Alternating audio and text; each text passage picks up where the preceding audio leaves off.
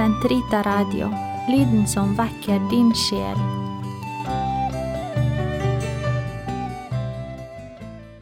Archedia Åndelig sløvhet i koronatid og fastetid.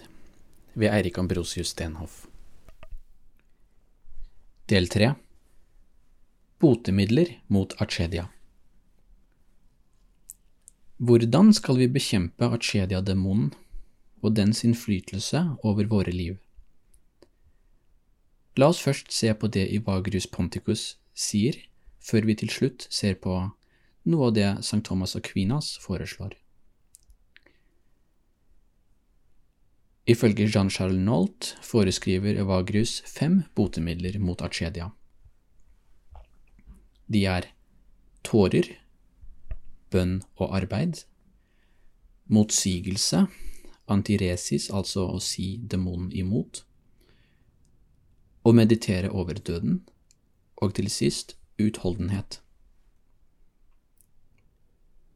I den østlige åndelige tradisjon som Evagrius tilhører, har tårene en vesentlig betydning. De er ikke bare uttrykk for en sterk følelse, men de uttrykker at jeg trenger til frelse, at jeg ikke klarer meg på egen hånd.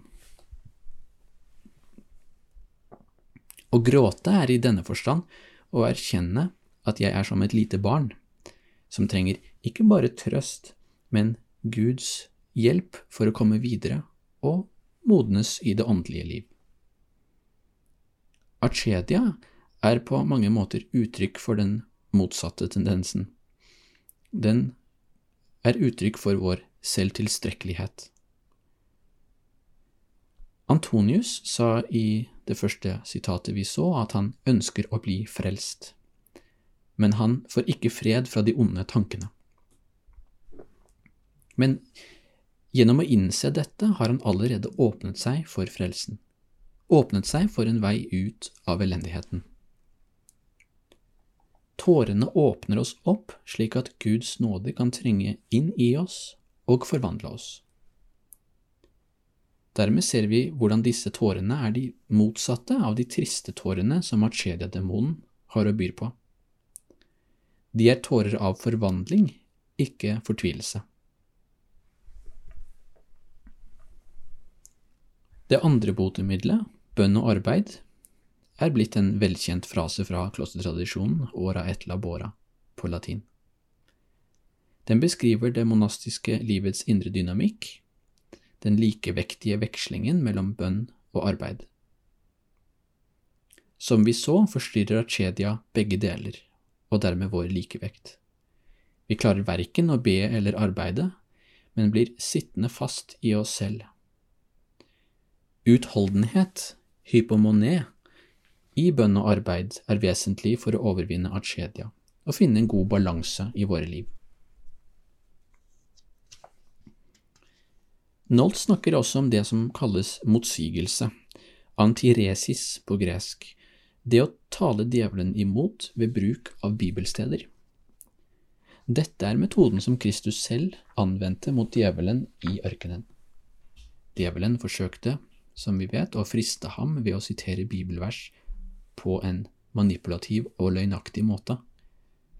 Kristus besvarte dette med å gi dem deres rette tolkning. Den åndelige tolkningen av Skriften er her vesentlig. Senere latinsk teologi sammenfattet de åndelige betydningsnivåene i Skriften i, med, med, med tre begreper altså det allegoriske betydningsnivået, det moralske og det anagogiske. Det allegoriske nivået handler om å knytte hendelser i Det nye testamentet til det gamle, særlig med henblikk på Kristus-typologier. På hvilken måte er Kristus selv til stede i bibeltekstene? Det moralske nivået handler om å utlede Skriftens betydning for hvordan vi lever våre liv. Antonius' opphold i ørkenen begynte da han gikk inn i en kirke en dag og hørte Matteus evangeliet kapittel 19, historien om den rike unge mannen som ble bedt av Jesus om å selge alle sine eiendeler og følge ham. Rikmannssønnen og arvingen Antonius tok ordene han hørte som et kall, og gjorde det motsatte av den unge mannen i fortellingen, som gikk bedrøvet bort. Det anagogiske betydningsnivået handler om hvordan bibelske motiver og tekster peker frem mot det evige fellesskapet med Gud i himmelen. For eksempel forestillingen om Sion eller Jerusalem som et bilde på himmelen, slik vi ser for eksempel hos profeten Jesaja og Johannes' åpenbaring. Poenget her må være les Bibelen hver dag. Les fremfor alt evangeliene og les de andre tekstene i Det nye og Det gamle testamentet i lys av dem. Det vil være et vesentlig botemiddel mot archedia, ikke minst i en tid med liten eller ingen tilgang til sakramentene. Vi må aldri opphøre å be, og lese om Jesu liv og knytte vårt liv til hans. Paulus skriver i første Tessalonikerbrev kapittel 5. Vær alltid glade. Be uavbrutt. Takk Gud under alle forhold, for dette er Guds vilje med dere i Kristus Jesus.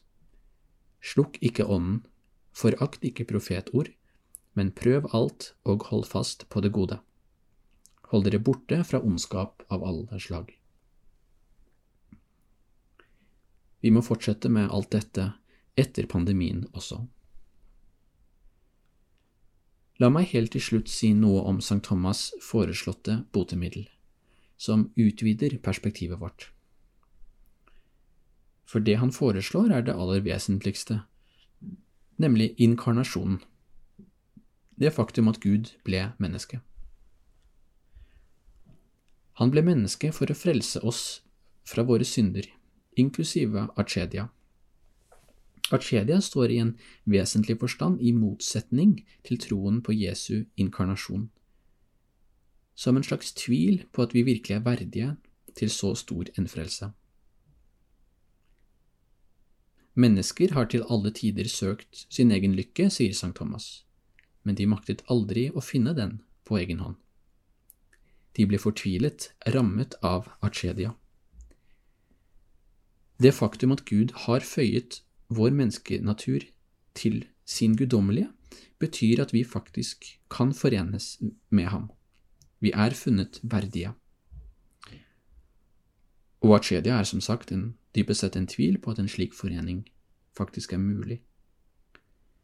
Det er det nihilistiske perspektivet ved Achedia.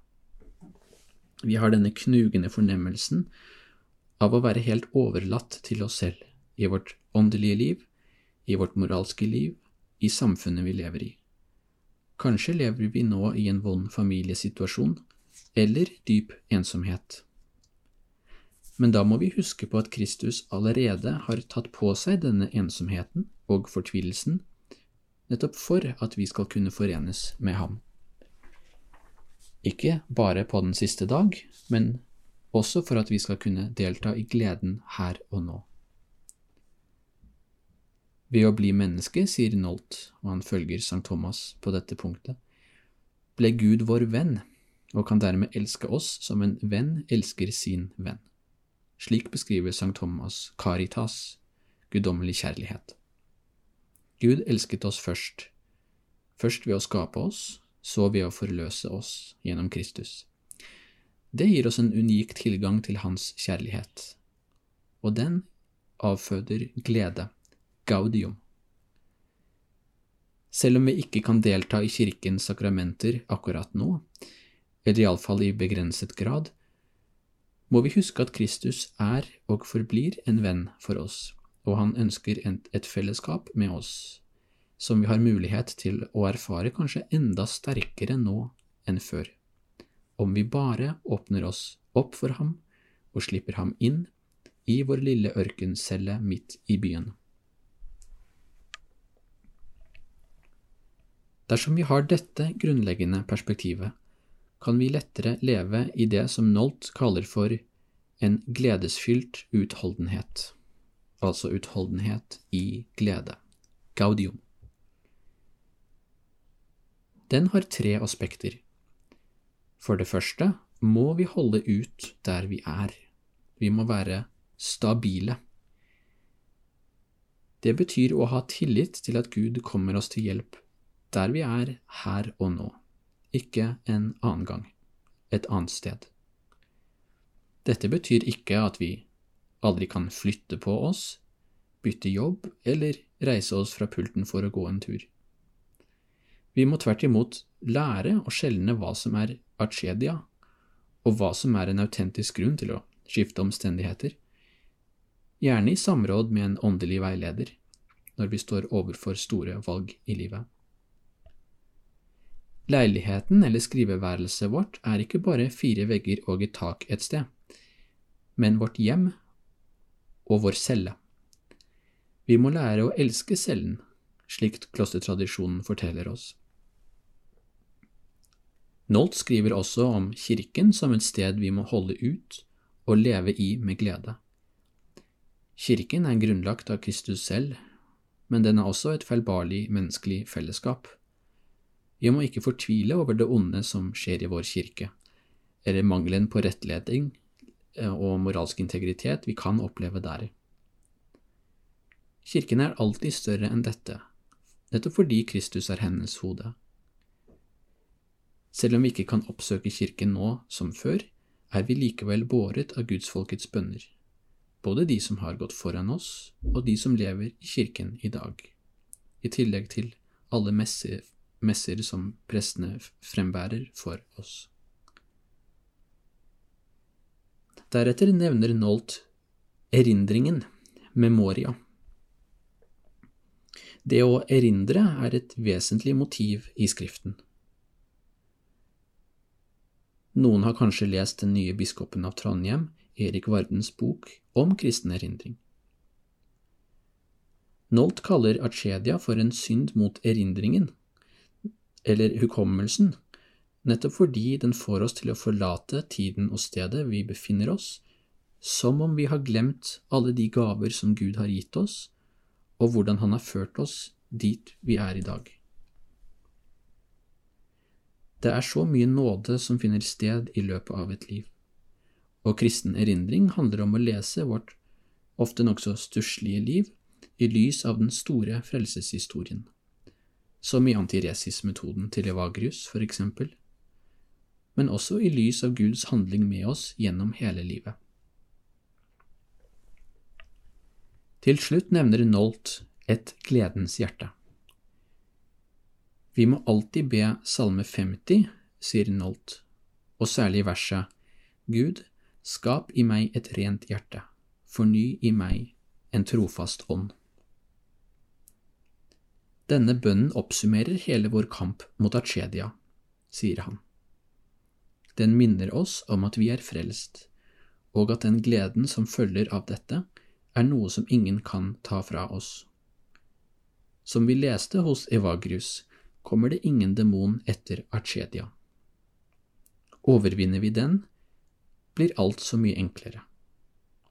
Da får vi endelig erfare betydningen av Herrens ord til tjeneren i lignelsen om talentene.